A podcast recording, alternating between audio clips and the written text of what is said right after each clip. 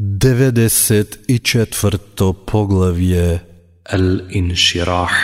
Широкоградост Објавено во Мека 8 ајети Бисмиллахир-Рахманир-Рахим Во името на Аллах, семилосниот, милостивиот.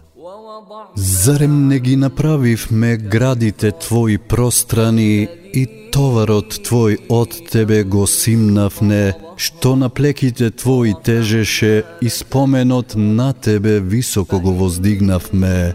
Па, на вистина, по секоја тешкотија доаѓа олеснување, на вистина, по секоја тешкотија доаѓа олеснување.